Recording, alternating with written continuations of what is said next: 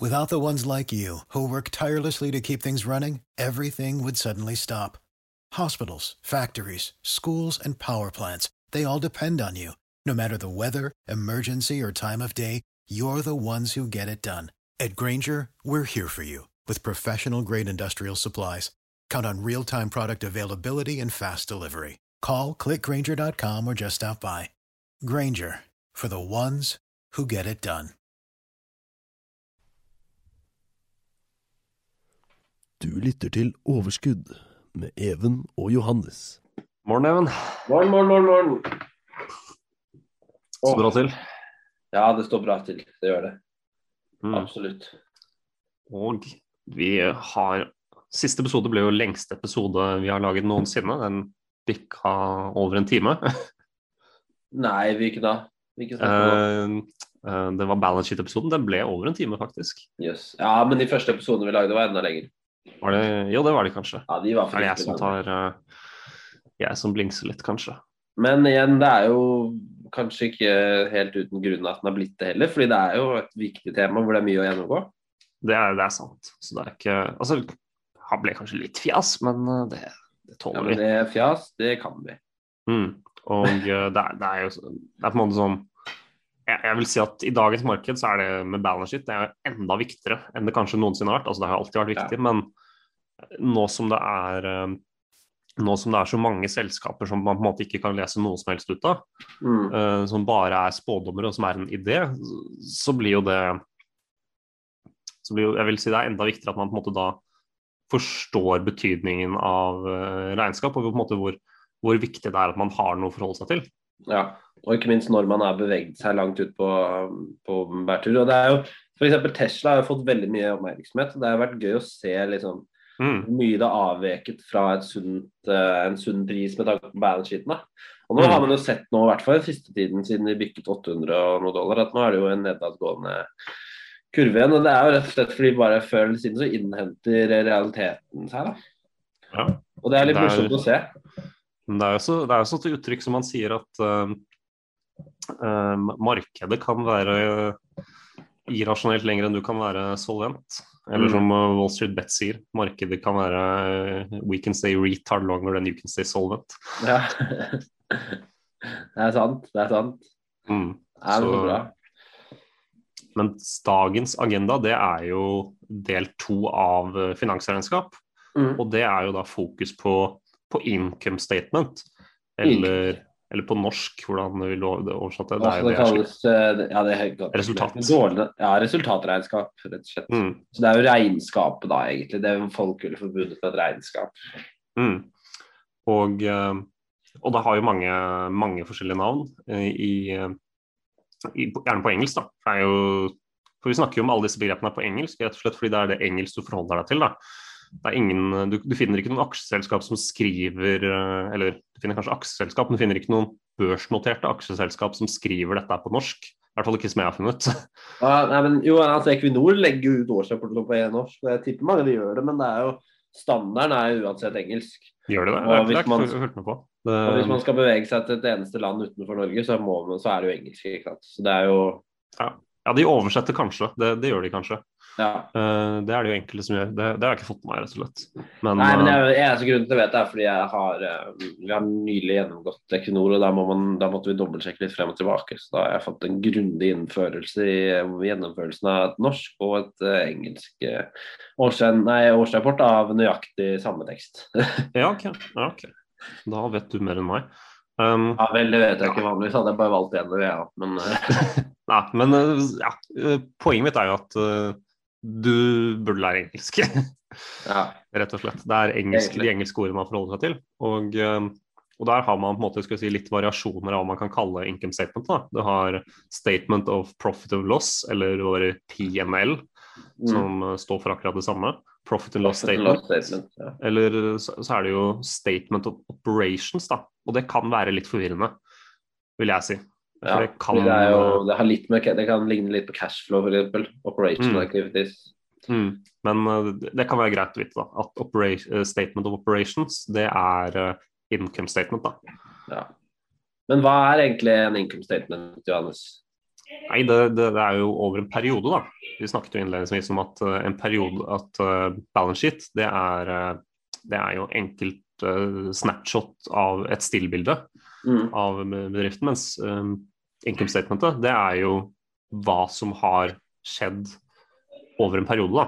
Ja. Og gjerne med tanke på inntekt og utgifter. Mm.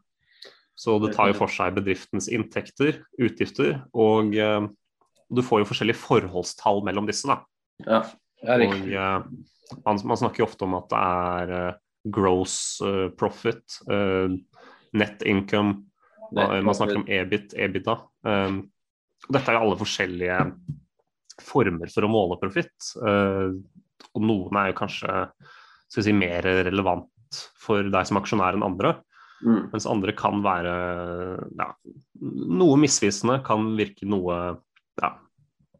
Og det som er at det, altså Mange av disse forholdstallene er, eh, kommer man ikke til å huske hvis man bare lytter på podkasten.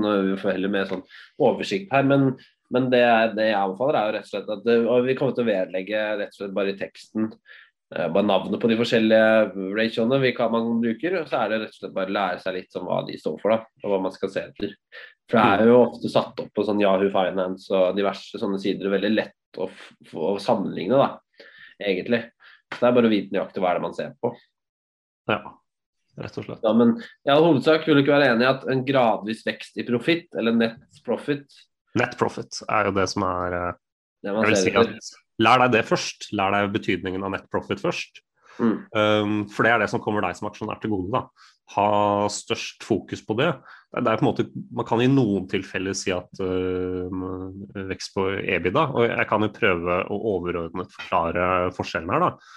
For du har jo net profit, og det er jo det som faktisk er igjen til deg som aksjonær.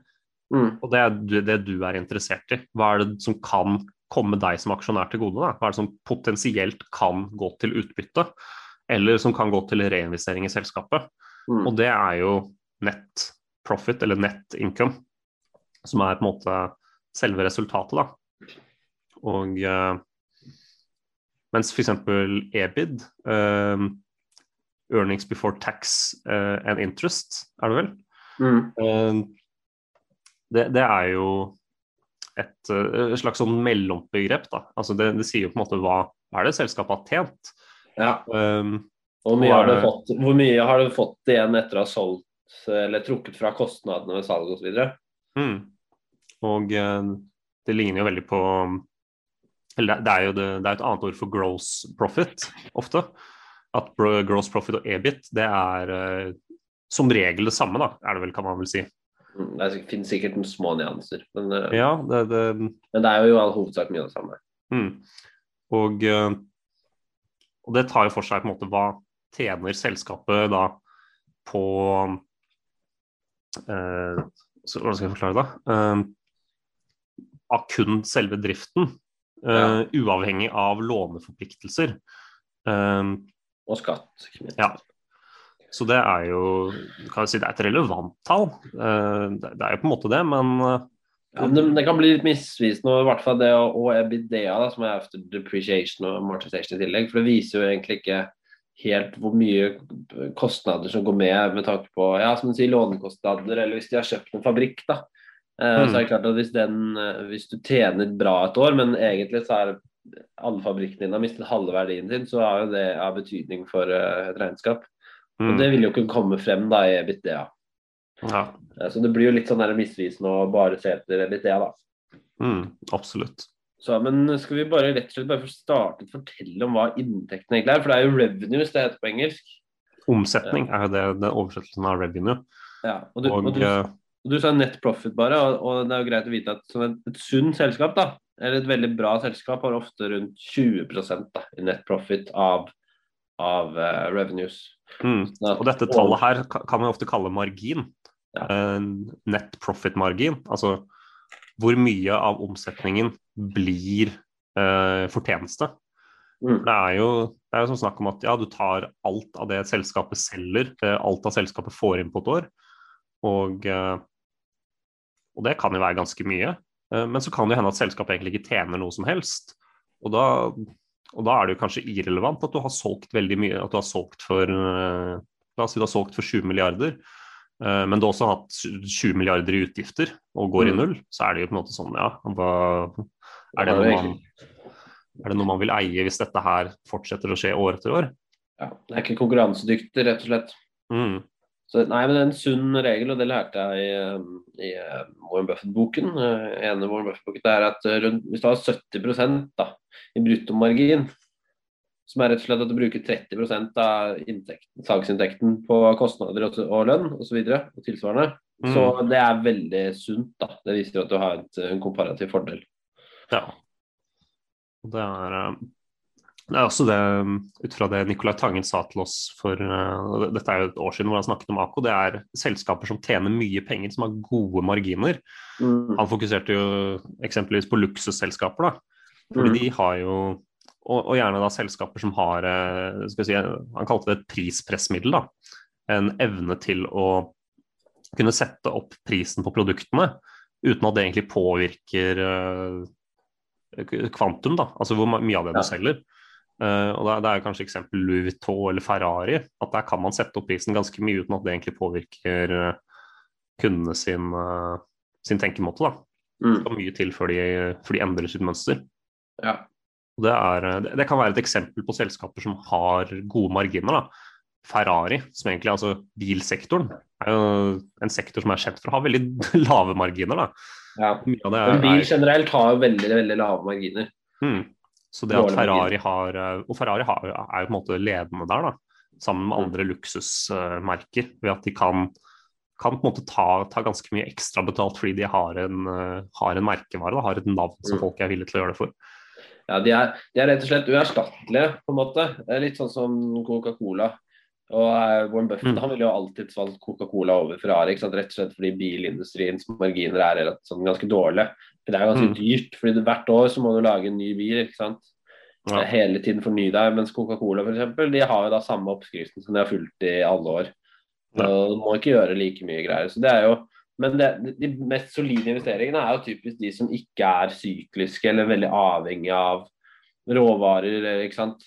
Mm. Uh, vi nevnte jo bil. Uh, hvis det f.eks. er uh, Hvis f.eks. har kommet mye bra biler, og folk har liksom kjøpt nye biler, i tillegg til at det er litt sånn nedsving i økonomien, Mm. og kanskje at det er ekstra dyrt med metaller osv., så, videre, så vil jo det være en, en bransje som eh, rammes ganske hardt. Mens Coca-Cola f.eks., de kommer jo egentlig ikke til å merke det. fordi det er mye enklere for folk å ta seg råd til en Coca-Cola og en, en, en ny bil. da. Mm. Ja, rett og slett det er veldig sånn og mange, Veldig mange som drikker det, har liksom vaner rundt det. Det er jo det at Ja, du har faste vaner. Og de de fleste har ikke faste vaner om å kjøpe en ny bil annethvert år. Nei. Det er kanskje en dårlig vane, i hvert fall. Nei, men, ja, men det er sant. Men det, igjen, og det er det du går tilbake med Nicolai Tagna, fordi luksusmerkene og sånn, de er også uerstattelige. Så det, Mm. Selv om det er eh, dårlige marginer på Ferrari enn eh, Coca-Cola, kanskje, så, så, så er det mye mer Så er det igjen mer uerstattelig med en Ferrari enn type eh, en eller annen stasjonsvogn som egentlig kan komme fra hvilket som helst merke. da. Mm. Og så er det jo på en måte det at um, det- Man vil oftest anse det som en stor verdi da, at du er ledende på en av disse faktorene. Da, og gjerne at du har best margin på produktene dine innad i sektoren. Ja, Så det å, så det å sammenligne Coca-Cola og Ferrari blir kanskje litt slemt overfor Ferrari. For det er Du jo kan, men for eksempel kan du gjøre det med Pepsi. Coca-Cola Ja. og Pepsi. kan er Ferrari de og har, eh, Lamborghini. mm. Så ser man hvem som har best marginer av, av dem. Da. Det, Ja. det vil være fair. Da, da finner du kanskje det selskapet som, har, eh, som, har, som drives best. Da. De som på en måte har eh, som har på en måte ja, bra, bra med omsetning, men Mm. eh, som tjener mest Som får mest tilbake for omsetningen sin. Da. Som, får, eh, som har færrest utgifter i forhold til det de bruker på å få til omsetningen, rett og Mm. slett. Så det er eh, Margin er å ha god margin og være Og det er jo ja, selvfølgelig sammenlignet med sektor, men det er helt avgjørende for at det er et godt selskap. Har du, og, i tillegg, og Hvis du har god margin samtidig som du vokser, så er det helt fantastisk. Eh, Warren, Warren Buffett sin huskeregel er rett og slett da mellom 40 og 70% i bruttomargin. Altså etter du har trukket fra salgs- og lønnskostnader. Og så Mm. gjerne 20% i netto profittmargin. da. Hvis du kan oppnå de to, så har du ofte et eh, Da har du liksom, ja, som sier, muligheten til å kunne heve prisen uten at det går utover eh, driften noe særlig, fordi du har noe veldig unikt. da. Og så Mm. er det jo ellers bare, vil jeg sagt, da, å, å passe på at inntektene faktisk kommer fra, fra salgsinntekt og operasjoner, ikke fra lån eller at du selger inn tidligere investeringer. Ja, men, men åssen er det? For det er jo, det er jo slik at lån at du, Hvis du f.eks. tar opp et lån på 1 milliard, skal nedbetales på fem år, Mm. så vil jo ikke det gå inn på income statementet. Det vil det nok ikke. Men hvis du tar opp eh, Hvis du selger hvis du selger f.eks. fabrikken din til eh, ja, 1 milliard, og skal, den skal du få betalt for eh, over så mange år, så vil det være noe som kommer på income statementet. Og det vil jo være en slags engangsinntekt. Så, så fra, fra det jeg har skjønt, så vil jo engangsinntekter fra salg av eiendeler det vil komme på income statementet. Mens eh, opptak av lån, det vil jo på en måte ikke komme direkte, da, annet enn at det kommer når du må nedbetale lånet. Så blir jo det, blir jo det trukket fra. For net income, det er jo etter nedbetaling av låneavdrag, da. Ja, ikke sant? har Og, og, og, lån er jo en eiendel òg, på en måte. Mm. Eller blir en gjeld, da. Det er på andre siden, men Ja, eh, men det, tilhører, det tilkommer eh, balance sheeten, da. Ikke sant? Mm. Så, men eh, vi kan jo gå videre litt på kostnader, for nå har vi snakket litt om inntekter. Bare, men det er jo som sagt bare pass på at det kommer fra, fra driften, inntektene. Og, og så er det jo, kan man jo stille seg selv spørsmålet hva er det dette selskapet gjør nå som, som ingen andre gjør? Mm. Hva er det som gjør at disse her kan ligge i forkant, Hvorfor, og ikke at de henger på slep? da? For Det er ikke noe vits å kjøpe den som er liksom alltid på slep. Mm. Hvis du kan levere samme produkt, bare billigere, så får du jo automatisk bedre margin, hvis det er det eneste som skiller selskap A fra B. Mm. Med mindre det er ekstreme forskjeller i selve produktet, da. Eller i produktutviklingen da, over tid. Mm. Ja. Sånne ting. Så, men vi kan jo gå videre til kostnader. Ja. For du Så- har jo Typiske så er det jo da de, første kostnadene som man snakker om, det, og det er driftskostnader. da, de du Mm. først, eh, Og det er ofte det første du trekker fram. Og da kan det være typiske kostnader av selve varelageret. Mm. eller kostnadene knyttet til selve produksjonen av da cola. Du handler inn sukker, sikkert. Du handler inn, Ja. eh, handler inn alt av eh, skal vi si, ingredienser. Kornsirup og karamellfarge. Ja, da, jeg kan ikke oppskriften. De er vel eh, Jeg vet, jo, vet du hva jeg skal kjenne som er morsomt? Fordi altså, Coca-Cola har faktisk tillatelse til å kjøpe syv, jeg tror det er syv tonn med, Mhm. sånn, eh, med kokainblader. Som de, kan, som de kan eh, Og da får de ikke lov til å bruke rusmidler i dem, men de får lov altså de får lov av amerikanske myndigheter til å kjøpe inn omtrent syv tonn, mener jeg å huske. Som de Aha. kan da prosessere, sånn at de kan bruke smaken på det i Coca-Cola enda. Ja. Så, de, så det er jo en av de tingene, de cost of goods, da. mhm. ja. FDA i USA, de Ja. Ja, ikke sant. Men det gjelder nok i Norge, det gjelder nok norske oppskrifter. Ja, det- det er litt i sirupen, jeg vet ikke.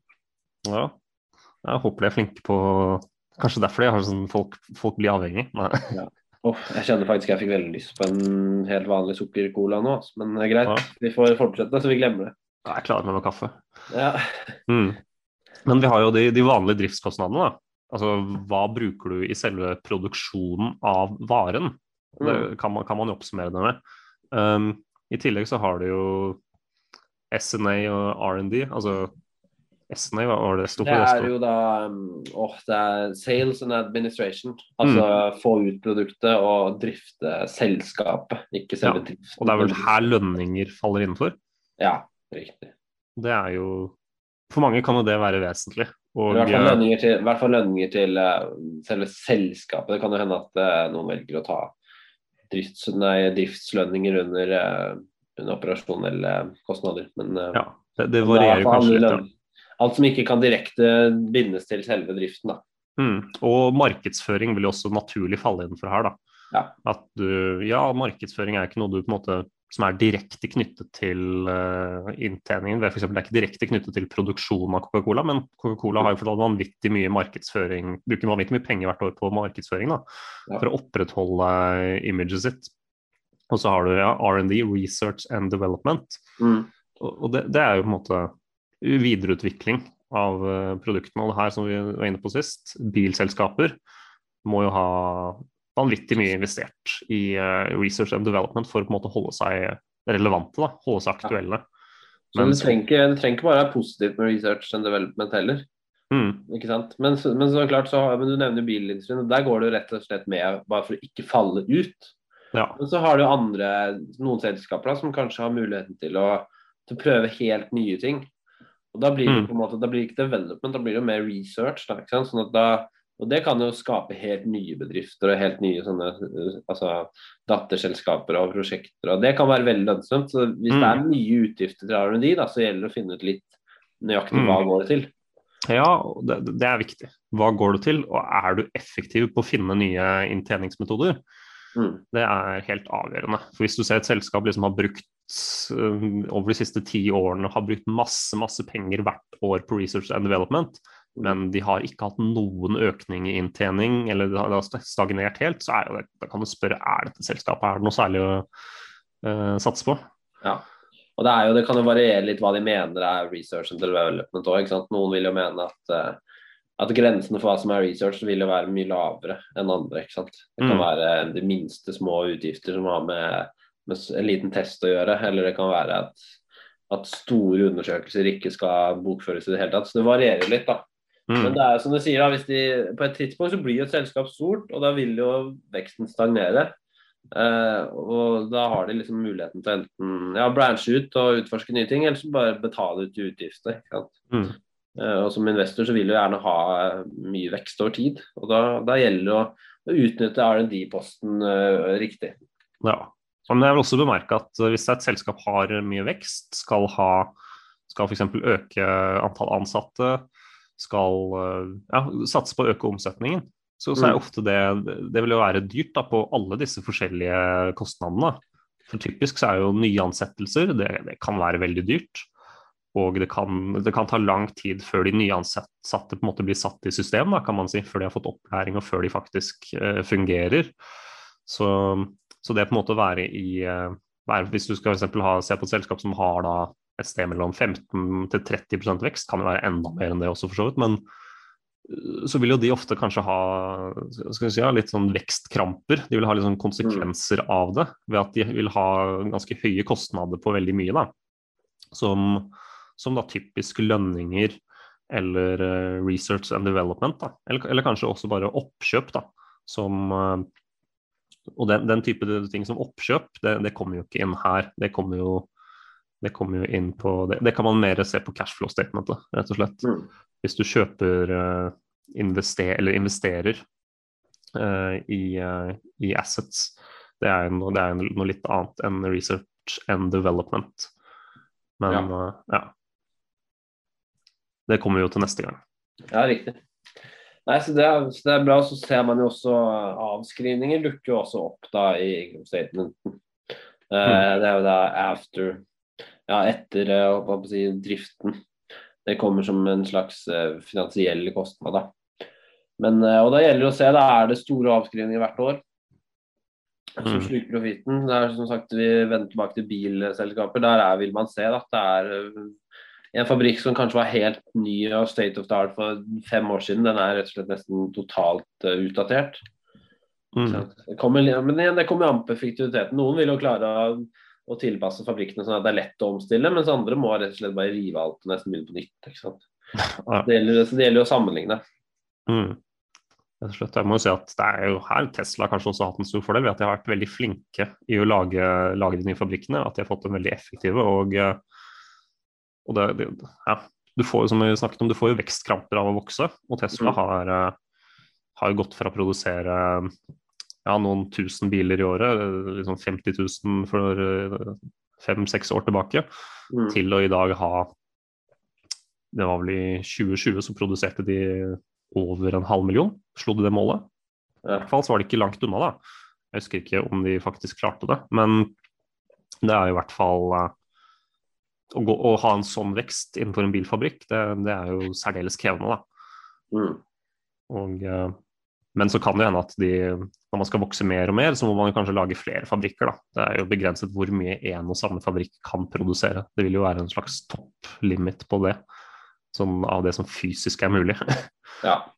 ja da. Så det, um, så det gjelder å tenke ut om det selskapet man ser på, er dette selskap som er modent. Er det liksom, og er de rett og slett ikke i humør til å drive og finne nye prosjekter? For Hvis det er det, så stagnerer det jo. ikke sant? Da, er det jo, da kan det være bedre å finne andre ting. Så, men uh, som Warren Buffett er ute etter, så er det da 20% nettofortjeneste over tid. Mm. Og ikke minst da økning i det som kalles EPS, eller earnings per share. da. Ja, det er helt essensielt. Og uh, um, man, man snakker jo om earnings per share, det er jo ofte det man på en måte får igjen. Da. Det er det, er en måte det som mange fokuserer på. Hvor mye blir EPS-en på i Mm. eh, Q1, Q2? Um, og da er det kanskje, du, du hører kanskje at analytikerne har en skal si, konsensus, da, en enighet om at earnings per share den skal lande på uh, ja, for eksempel, da, Jeg fulgte med på Maxer Technologies, da. det var jo Mm. et selskap jeg holder, og som gikk på miss i dag. da. Uh, der var det forventa at de skulle ha en earnings per share på 1 dollar per aksje. Mm. Um, og ja, gan- ganske positive forventninger. da, Så gikk de på en ganske kraftig miss og taper en dollar per aksje istedenfor. Ja. Uh, sånn ish. Det var vel med, noe, med noen cent pluss minus. Så, så det er det man snakker da. Hvor mye tjener et selskap, eller hvor mye er det som er da net income, uh, som kan fordeles per aksje. Så da tar du jo antall aksjer i selskapet delt på eh, det eh, net income. Mm. Så har du, har du 7 millioner aksjer og 7 millioner i nett-income, så er det én krone igjen til hver da, i earnings per share. Og Det man vil se, er rett og slett bare at det- earnings per share går sakte, men sikkert oppover. da. Mm. Så det kan jo gå ja. Og en ting som kan på en måte ødelegge for det, kan jo si at uh, vi var inne på emisjoner. Um, og det er jo at earnings per share er jo per antall aksjer. Emisjoner, da øker jo, da får du jo flere aksjer. Vi ser jo Norwegian nå, de går jo fra uh, det er vel sånn overkant av 45 millioner aksjer til nesten en milliard aksjer i den neste emisjonen. ja. Så da kan du nok ikke forvente at earnings per share blir noe, blir noe av det det tidligere har vært. Da. Om det helt tatt er positivt. Det er jo det. Er jo det. Så, men, det jo, men selskapet kan jo som sagt utvinnes. da, Eller så kan du jo, eh, så kan du jo kjøpe tilbake aksjer. ikke sant? Eh, Mm. Og Da vil jo earnings per share kunne gå opp. og Det er noe man ser i mange store selskaper, at de velger å bruke pengene på når de Mm. ikke har noe mer å bruke på prosjekter. Ja. Eh, Når, de, når de bare ser at veksten er begrenset, så velger de da heller å um, og rett og slett kjøpe tilbake aksjer. og Da blir det færre aksjer, og da får hver enkelt aksje mer verdi. Mm. Det blir jo det motsatte som en emisjon, da, kan man jo si. Ja. Det vil jo ha samme. Mm. Og uh, typisk, da, altså min observasjon, det er at selskaper de står jo ofte mellom valget. Skal de bruke pengene til utbytte eller tilbakekjøp? da? Og, eh, og da kan man Man kan jo lage en blanding, selvfølgelig, men hvis selskapet selv mener de er billige, eh, så kan det ofte kanskje være mer å hente på tilbakekjøp. da. Mm. Hvis du sletter 10 av aksjene, det er jo, sånn, det er jo særlig mye, da. Da må du jo ha eh, da må du ha tilsvarende, ha, ha tilsvarende cash. Ja. Men da, da vil du jo da vil jo på en måte Selskapet vil jo ha nesten samme verdi, bortsett fra at den har Mm. mindre cash. Um, og earn- earnings per share vil kunne være forventet å øke, da. Um, selv om inntjeningen ikke er forventet å øke, Ja, hvis du forstår det. ja, ja. Mm. Ja, men så bra.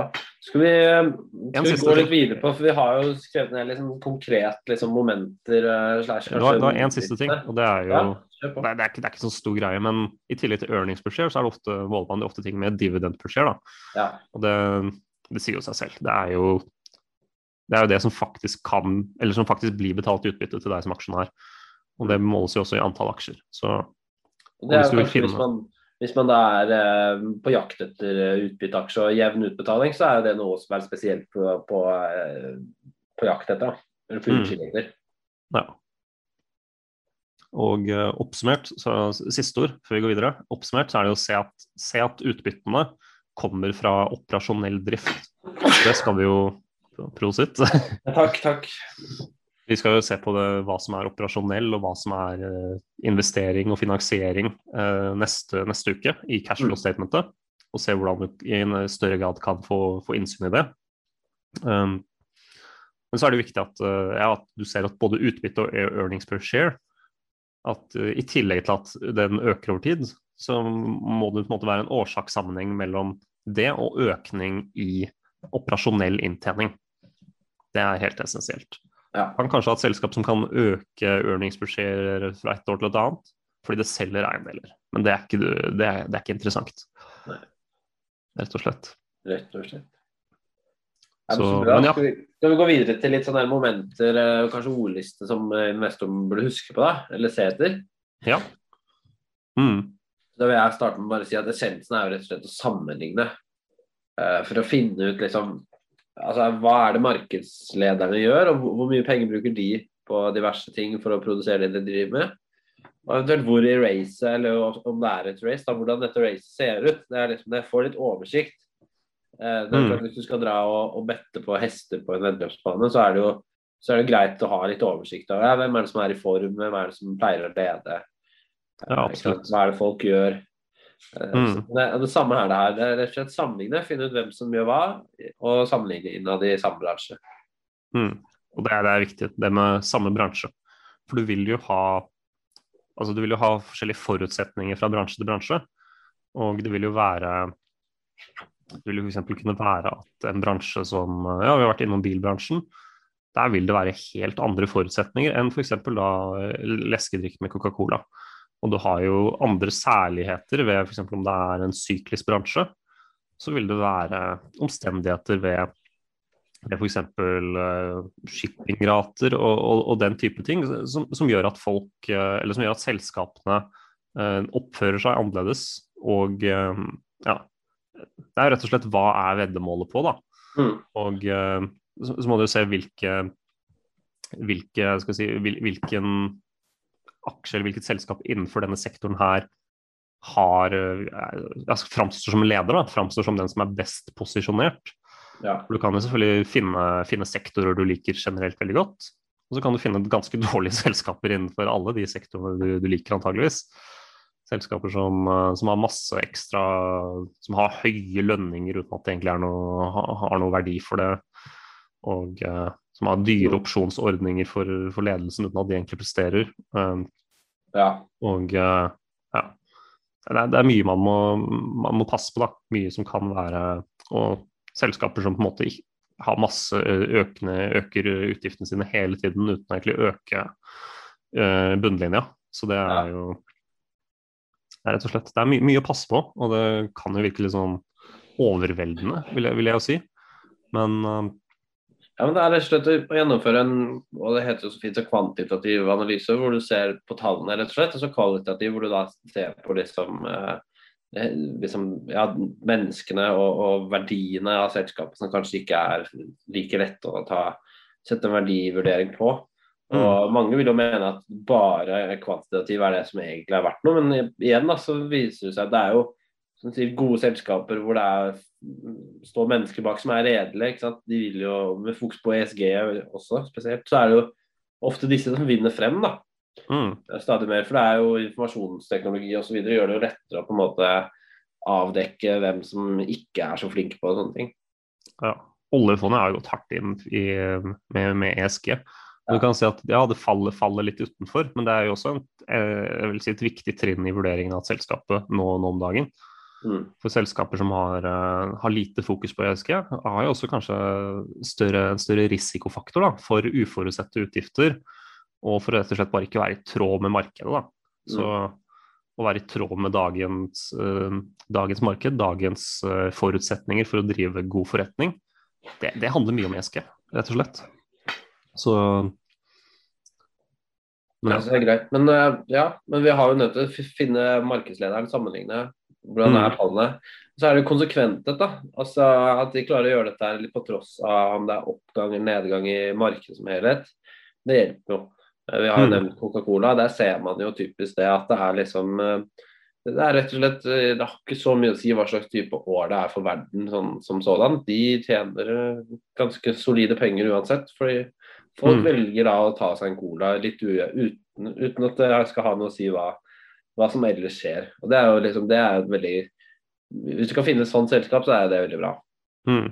Det er jo få selskaper som er på en måte helt upåvirket, da. Men du, du, kan jo kanskje nevne eksempel, i Norge Orkla. da. Det, Ja. de, de er relativt upåvirket av hva som skjer med uh, i, i resten av verden. da, fordi folk i Norge de har fortsatt råd til mat. og uh, Mm. Kan det være noen år de spiser litt mer, betaler litt mer, og andre år de gjør det litt mindre. Men generelt så er det, det er lite svingninger, da. Og så kan det f.eks. være Og de har jo ikke helt monopol, så kan det være eksempel enkelte områder hvor de på en måte taper seg litt på. Um, eksempel, det var vel snakk om at de mista markedsandeler for eksempel i fross på frossenpizzaområdet, Mm. med Grandiosa som tapte mot uh, Dr. Økters og det, den type ting. Så, men uh, generelt så har de på en måte De er jo overalt. Ja, og de har mange produkter, ikke sant. Mm. Så at du skal si, mister én front litt, taper litt på én front, vinner på mange andre, så, så er det på en måte det er jo solid generelt, og det er jo lite variasjon. Og det, det er jo trygghet. Det gir jo trygghet, og, men det gir kanskje også mindre oppside, da, for det er jo mye av det priset, kanskje er priset inn, men det, trygghet Ja. langsiktig er, er veldig smart. Ja, ja da, så det, er, så det er jo akkurat det. ikke sant. Så, ehm, så men det er jo det å se etter liksom indikatorene. Du har jo, vi hadde bruttomargin, som vi så. eh, Som er Mm. etter. Hvis det er over 40% så er det bra. Hvis det er Mm. rundt 70 så er det helt fantastisk. Ja.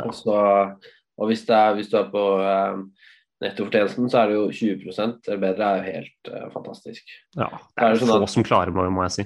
Ja. Um, Men så er det sånn hvis, hvis bruttomarginen typisk er under 20% da, og det er brutto og ikke netto, men eh, sånn hvis du trekker fra salgs- og lønnskostnader og, og den den summen du får er under 20% av totalomsetning, så er du rett og slett i en bransje hvor det er dårlige marginer, hvor det er mye like produkter, og det er egentlig ingen som på en måte har muligheten til å stikke, stikke att og fram. da. mm. Og, og det vil jo være ganske sånn, eh, hva skal man si, det vil jo ikke være ideelt da, for investoren. Ja. Så da, og det kan jo også være tips generelt, da, bare finne en sektor hvor det er veldig lite konkurranse. Ja, Ja, det er jo ofte Og det, det, det kan jeg trekke frem eksempel en parallell til um, eh, Jeg vet ikke om du har fått med deg venturekapitalistene Aske, de heter vel Askeladden? De er, de er ikke på Jo, børsen, for så vidt, men de, de har kommet med mange, mange nye konsepter. da, F.eks. noen grave, tilbyr gravferdselskaper, eller hva man kaller det. Men det var ikke akkurat det de ikke gjorde. Nei, det var én ting jeg husker de sa at de ikke gjorde. De, de gjorde i hvert fall det, men jeg vet ikke hva de ikke Ja, okay, men Da gjør de det, men bare Men det er liksom ferdigpizza, massørsalonger. Eh, nemlig.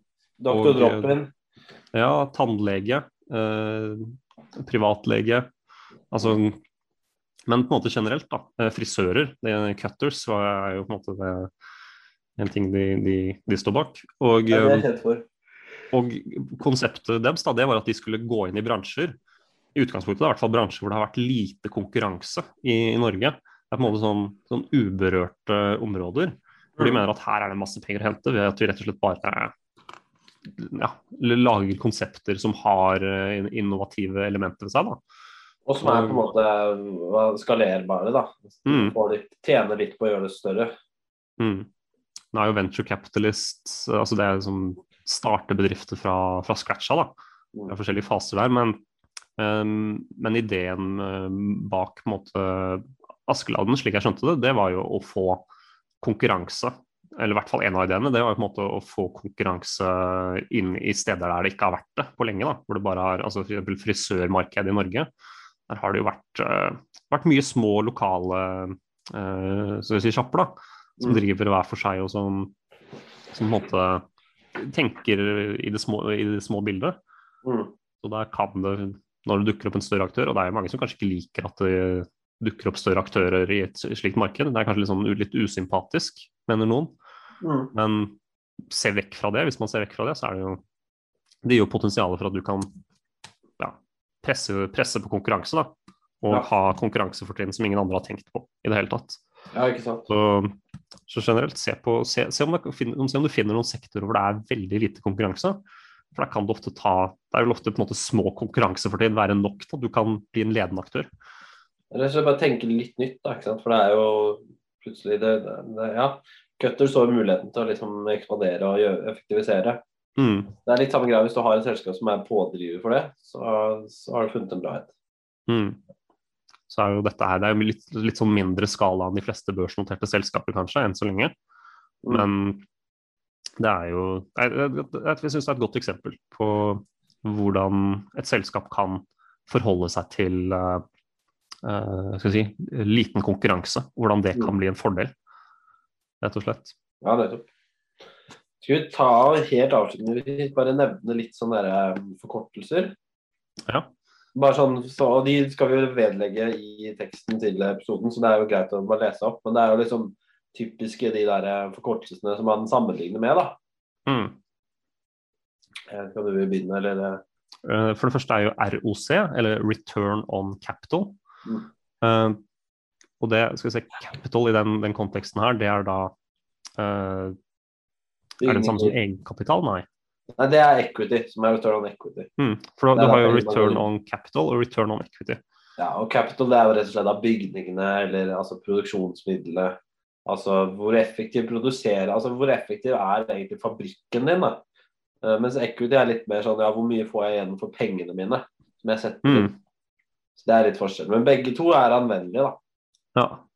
Og alle disse, for du har jo ja, I tillegg så har du return on assets, da, som er på en måte alle Det er litt, det er, ligger jo, det er jo litt sånn også, Det er jo veldig fabrikk, ikke sant. mm, En fabrikk er en asset. mm.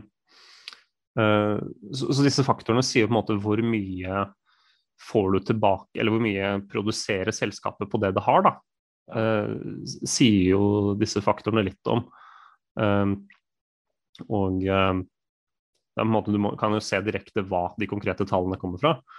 Eh, for det er jo ofte, og Man bruker ofte net income på disse her. ikke sant? Det er det som er vanlig, at man tar eh, net income delt på eh, antall assets i selskapet, f.eks. Så får du da et forholdstall, og det er da return on assets eh, for det året her. da. Og, eh, og det, det, gir jo kanskje Og det, det tallet i seg selv er kanskje ikke så interessant. Du får kanskje da typisk liksom eh, ja, hva kan det være? Eh, 10% return on assets. Eh, Mm. Og det, det sier jo kanskje ikke det er så mye, det, men det kan jo, hvis du bruker det i konteksten sammen med andre aktører, da, sammenligner det tallet, ser du at en annen aktør de, de får, liksom, de får 25% return on assets. Da kan du se at oi, det, er de, det er kanskje litt mer spennende, da. At Ja. de får til å produsere mer på det de har, har av eiendeler enn mitt selskap. Det, da vil jeg heller eie dem, da. Kanskje. Ja, jeg, vil bare få det på det rene, fordi altså, alle de der RO, altså ELA, LC, det er, hele poenget er å vise hvor mye du, altså, mye du får ut av hvor effektivt du klarer å omdanne en viss verdi til, um, til ny profitt. ROC, altså Return on Capital, det er da både egenkapital og lån. ikke sant? Det er rett og slett uh, får tilbake for investert egenkapital og investert lån. Mm. Return on Equity er bare på egenkapitalen. Og Ja, return on ok, assets sånn er en- ja, og return on assets er jo da konkrete ting, sånn som da fabrikker og, og uh, hva det måtte være. Mhm. Mineralfabrikken, ikke sant. Det er det return on assets er. da. Ja, skjønner. Um, så vi har jo vært gjennom eh, earnings per share. Vi har snakket om EBIT og EBITDA. Altså EBITDA, det står jo For, eh, interest, tax, depreciation and amortization. Ja. Og depreciation amortization, på norsk ville man bare sagt avskrivninger, rett og slett, for begge to. Ja. Men på engelsk så er det Jeg vet ikke om jeg snakket om dette i første episode, men der er det jo et eget ord, depreciation, som er da for eh, Avskrivning. ja, avskrivning, og da på tangible assets, da, altså fysiske eiendeler. Mm. Um, mens amortization det er avskrivning på immaterielle eiendeler, da, eller på intangible assets, som det heter på engelsk. Så det ja. Det, sier jo noe om Det det er et forholdstall som er litt annerledes enn EBIT. Det, Ja, og det, er litt, det, kan være diffust, ikke sant. Det, det er, men heldigvis har det blitt mer regler på det. Da. Men igjen, det er, det, er, det er jo ikke like lett å sette en prisverdi på noe som ikke er fysisk. Ja. Så det er klart at hvis en bedrift, hvis du oppdager at denne bedriften er hovedsakelig basert på, på det immaterielle, så må man tenke seg nøye om, da. Finne nøyaktig hva, hva Mm. grunnen er. ja. Så har jeg skrevet ICR, og det er rett og slett Interest Coverage Ratio. Og det viser da hvor bra et selskap klarer å dekke eh, sine lånekostnader. Da. Mm, og hvis den, eh, hvis den er spesielt lav innen en bransje, så betyr det at selskapet for det første tjener de dårlige penger, men også de sliter med å betale ned lånet sitt. Da. De har mye lån i forhold til eh, sammenlignbare selskaper. Ja. Er det det samme som financial leverage, om du vet det? Nei, altså Leverage er jo lån, ikke sant. Mm. Men det, Eh, jeg tror, for jeg leste at financial leverage, det er da um, lån delt på egenkapital. Og viser jo da forholdstallet hvor mye leverage det i realiteten er i selskapet. da. Hvis du har eh, 10% egenkapital, 90% lån, så er det jo ganske leverage, da, kan man jo si. ja, det, Da er det, da er det ja, 10 til 1, eller 9 til 1 i leverage, da. Ja. Uh, så, som er ganske mye, som tyder jo på at uh, ved suksess så kan du jo ja, eie et ganske verdifullt selskap. Hvis ikke så må du jo ja, Hvis ikke kan det gå skeis, ja. rett og slett. Ja, men interest coverage ratio er rett og slett da eh, EBIT delt på interest expense i samme perioden. Ja, OK. Ja. Så sier jo Så, så det gjelder å sammenligne på det, gjelder å sammenligne på tvers av, eh, av for, forskjellige eh, selskaper innenfor samme, samme hva skal man si, segment. da. Ja, OK. Ja. Da ser vi hvem som gjør det best. Hva som er liksom standarden. Hele poenget med, med sånne med resultatregnskap er- og balansefører, men finansielle regnskap er jo rett og slett å kunne sammenligne på tvers. Eh, Mm. og Hvis ikke så kan du også da se hvor sunt et enkelt selskap er. I tillegg, da. Mm. For det er sånn at uh, du, du må sammenligne, og du må kanskje finne, finne den som har uh, Som er på en måte helhetlig best på, på, på, på de, ting, på de, skal si, ja, de, de faktorene du vektlegger mest, da, det du ser etter mest Mm. på, på en sektor. og Det er jo vanskelig å vite hva, hva er verdifullt på en sektor, men jeg vil jo f.eks. framheve da, at eh, ja, å, å være best på margin innenfor bilsektoren, det vil være en vanvittig stor fordel. Ja. Eller eh, ja, eller bare rett og slett ha best margin eh, generelt da, i en sektor hvor det er lite vekst. Er det mye vekst, så kan det hende at den som har best vekst, uten å kompensere for mye for det. og Det, er, det er visse forholdstall på vekst, men de, de er litt mer kompliserte, og de går vi ikke inn på på denne sonen her. Uh, for, man har jo, for, for Vi skal jo også nevne PE, PE og prisbok. Ja, Vi kommer oss ikke vekk fra den. Det er jo det mange bruker da, til med. Mm. Og der er det For det er jo da antall Altså det er jo da prisen du betaler for aksjen versus hvor mye den Eller hvor mye tjener aksjen i år, eller Ja. forrige år, i forhold til hva du betaler for den. Ja. Og eh, gitt at den gitt at den, dette tallet her holder seg på akkurat det det er på det tidspunktet her, la oss si du har en P på 10, det holder seg akkurat der det er de neste ti årene, så, så sier det noe om hvor lang tid det vil ta å nedbetale selskapet. da. Mm. Men ja, det er, det er et stort visst, da, for det, den earningsen den vil nok endre seg. Eh, betydelig kanskje også, i, i løpet av en periode på ti år. Så det er eh, Og det gir jo ikke hele bildet. Særlig ikke hvis det er sykliske selskaper. Der vil ofte PE være en særdeles dårlig faktor å bruke. Ja. Hvis det ett år er litt sånn PE på på 5-6, og andre år så er det, dukker det opp en PE på litt sånn 25-30, eller kanskje negativt fordi du ikke tjener penger. Mm. Så Men er generelt, ja. Stabile selskaper. Det må du ikke glemme å nevne. Hva sa du? Og så må du ikke glemme å nevne vektselskaper også. Vekstselskaper. Mm. Hvor, eh, hvor P-ene kan være ekstremt høy. Ja, jeg vil jo si, vi, kanskje, vi har nevnt Tesla, men jeg vil også trekke fram Amazon, som er på en måte Jeg vil også si at PE er en særdeles dårlig måte å, verdsette Amazon på. da. Mm. For den sier jo noe Ja, Amazon satser jo ikke egentlig på eh, earnings enda. De satser jo ikke på at de skal ha masse penger igjen enda. De satser jo på å bare øke omsetningen så, så, så mye som overhodet mulig. Så, og, det, og det er jo helt åpenbar strategi de har, om at de skal bare ha så mye vekst som overhodet mulig. Til enhver pris som ikke skal si, er urimelig. da. Mm.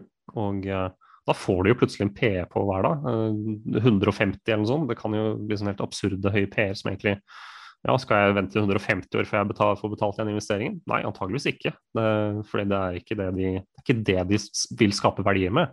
Nei. Men de vil rett og slett skape verdier i å si, ja, skape forbruksvaner, rett og slett. Gi masse rabatter.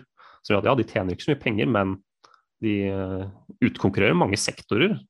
Og på et eller annet tidspunkt så har de ja, kanskje ganske kraftig monopol på mange områder. Ja, ja. ja, nettopp. Så, ja. Så det kommer an på strategien egentlig, til selskapet. Men de har jo en fordel med at de her begynner å bli såpass store, da. Så da Mm. må man jo se på Om, om det er noe Men igjen, og det kan jo ha både noe med den kvantitative måten de tjener penger på, men også ledelsen. Mm. Eh, Si at de har en bevisst holdning til akkurat det. Og da, og da er det det kvalitative. ikke sant? Mm. Så, Så- men jeg anbefaler i hvert fall lese bøker på dette. Til Ja. eh, for det er jo veldig altså Det er jo egentlig skriftspråket til eh, investering. Det er jo å kunne finansielle dokumenter. Ja, rett og slett. Og, eh, og så kan man si det er jo det er ikke noe fasit på hva som er et godt selskap. Det er det, er det som er eh, litt vanskelig her. Det er ikke noe sånn at et selskap som har, er stabile, har liksom litt vekst og fin PE, fin prisbok det, Ja, det kan jo typisk være en god investering, men det kan også være en god investering å kjøpe Amazon. Det skal jeg ikke liksom utelukke at Amazon eller andre skal vi si, gigantiske tech-selskaper som Netflix altså, Ja, de ser dyre ut, og de ser ut som på en måte de, ja, de har vekst, og, men de tjener jo nesten ikke så mye, nesten ingen penger. Nei. Er det en dårlig, er det en dårlig investering? Det er jo ja, det er, det, er, det er ikke noe fasit på det, kan man si. da. Eller eneste fasiten er markedet. Du sa det veldig fint at markedet kan, eh, kan være irrasjonalt lenger enn du kan være solvent. ikke sant? Og det Mm. gjelder jo alt. Det kan hende du har helt rett på en investeringsbeslutning, mens markedet mener det er feil. Rett og slett bare fordi kanskje navnet til firmaet ikke klinger like bra som konkurrerende firmaer, som i realiteten kanskje gjør det dårligere. Mm. Så det er hele tiden må passe på.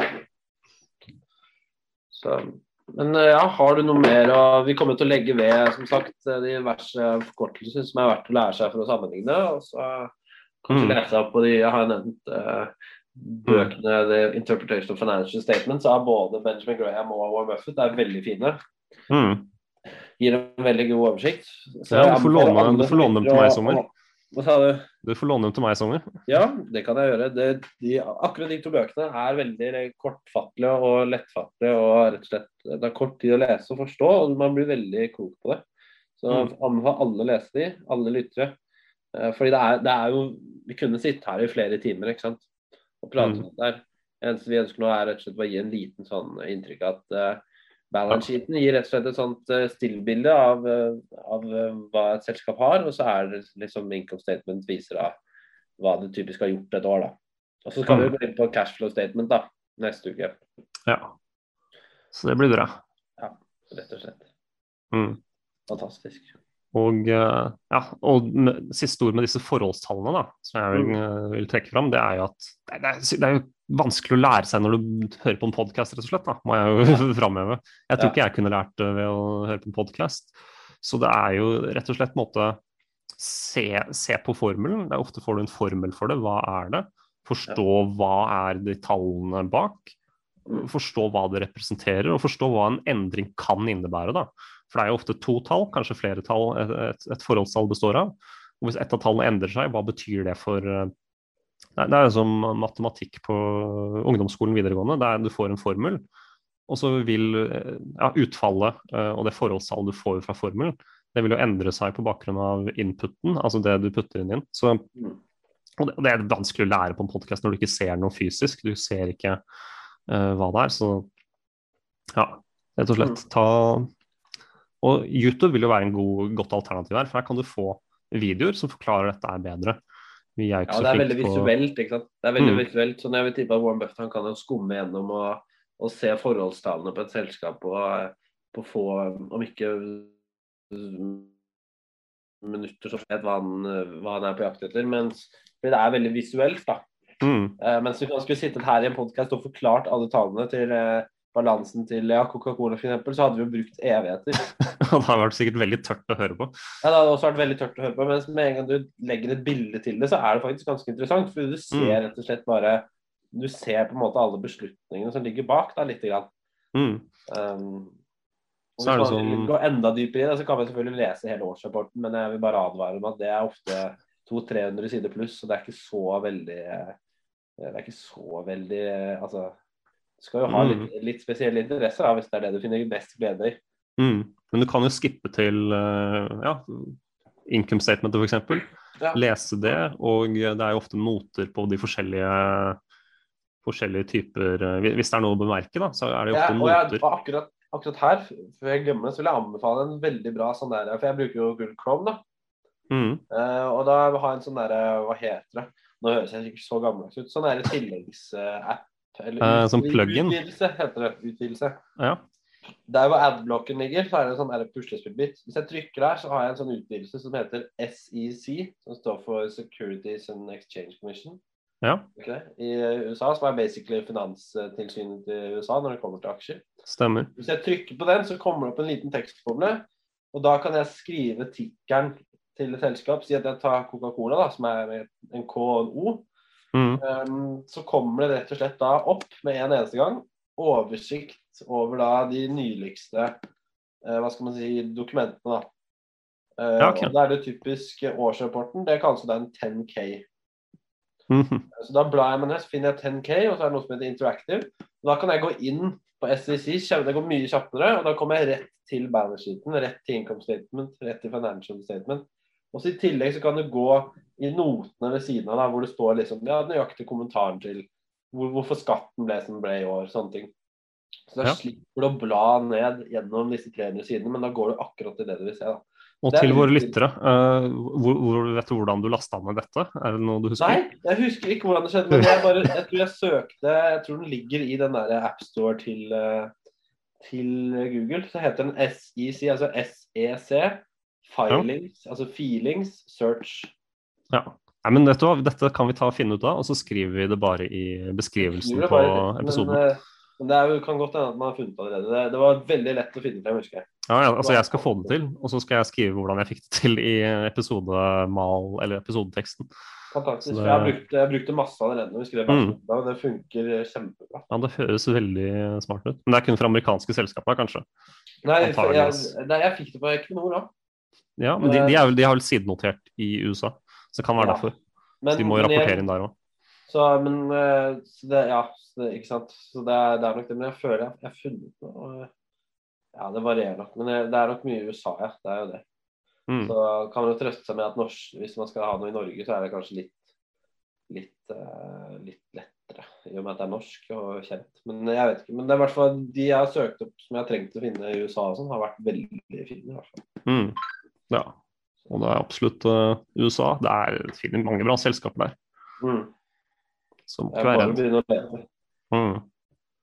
Men ja, vi, vi har jo holdt på en stund nå, så det er vel, er vel ikke så mye mer å si om income statementet. Um, vi prøver jo i neste episode Jo, det er jo det, er det der. Det er masse å si. Men vi kan, vi kan rett og slett ikke si mer, fordi det blir bare Det er så mye man, man lærer hele tiden av å bare gå gjennom det selv. mm. Så ja, det kan virke tørt, men vi vil jo anbefale folk å ta, ta og lese les rapportene. Og eh, Roger Berntsen f.eks. Han har jo lært datakoding, sånn at han på en måte automatisk kan hente forholdstallene. Så på en måte han eneste han trenger å gjøre, det er å Jeg vet ikke hva han nøyaktig trenger å gjøre, men markerer de forskjellige delene av eh, income statementet, f.eks. Og så får han forholdstallene eh, ja, gjennom Excel, da. Ved at han eh, har lært eh, Jeg vet ikke nøyaktig om det er Excel eller noe, men det, det er på en måte sånn automatisert uh, koding. Og det noen, er, noen er veldig flinke på det. Jeg har ikke dessverre tatt meg tiden til dem. Det hadde vært veldig gøy å kunne.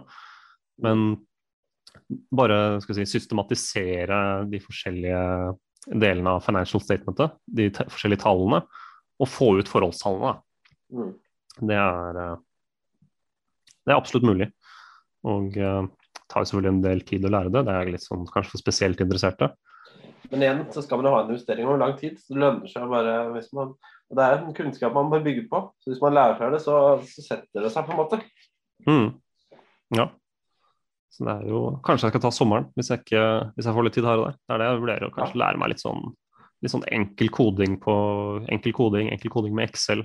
Få til, Det er jo som jeg tipper, jeg tipper Roger Berntsen hadde hatt en helg, så kunne han lært de fleste å gjøre relativt enkle Mm. enkle sånn, altså Jeg vet jo at det går an å bare gjøre på YouTube. Kanskje jeg skal, jeg skal jo opereres på fredag, da blir jeg sengeliggende. Så når jeg er ferdig med eksamen, kanskje jeg skal lage meg et sånn enkelt Excel-oppsett med formelutregning og den slags.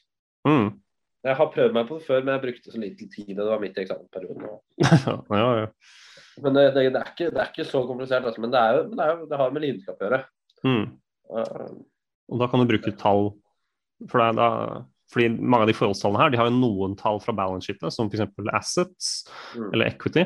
Uh, og så har de tallet net income, da, eller eventuelt uh, gross profit, uh, eller brutto, brutto, brutto, resultat. Eller nett, nettresultat. Så, så, det Ja. Men, men, uansett så er det veldig greit å for, i hvert fall forstå forholdstallene. Om du ikke vil på en måte systematisere det, så kan du i hvert fall vite hvordan du kommer fram til det. Mm. Og så er det jo noen, mange, mange sider gir det jo for deg. da tar jo og forhåndsutregner det. Uh, ja, Da gjelder det jo eventuelt bare å sammenligne mellom disse igjen. da, ikke sant?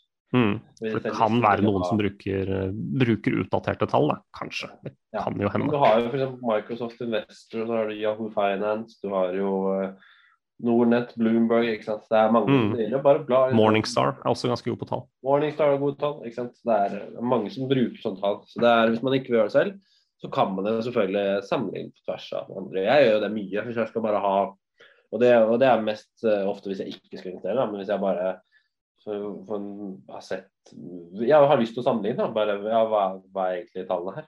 Da er det jo mm. en enkel måte å få et visst sånn oversikt. da. Ja, så er det jo ja. Må ta forbehold om noe feilmargin på alle disse sidene her. Selvfølgelig. Så det er det det er derfor det er, det er det å kunne regne ut selv fra f.eks. en kvartalsrapport eller årsrapport, det er jo fordelaktig. Ta, ta, gjerne år, for det er jo ofte variasjoner. Og eh, det gir jo et større bilde å ta et år. Ja, man vil jo se vekst over tid, liksom. Mm. Men igjen, nå har vi snakket lenge nok, Johannes. det ble noen minutter til òg. Ja. Men det er greit, det. Mm. Nei, det er, det er, et gøy tema. Kunne holdt på, kunne holdt på lenge enn dette her. Ja. Men uh... Derfor tenker jeg vi sier takk for i dag, og så mm. ses vi neste uke. Jo, takk for i dag. Ja. Du lyttet til Overskudd med Even og Johannes.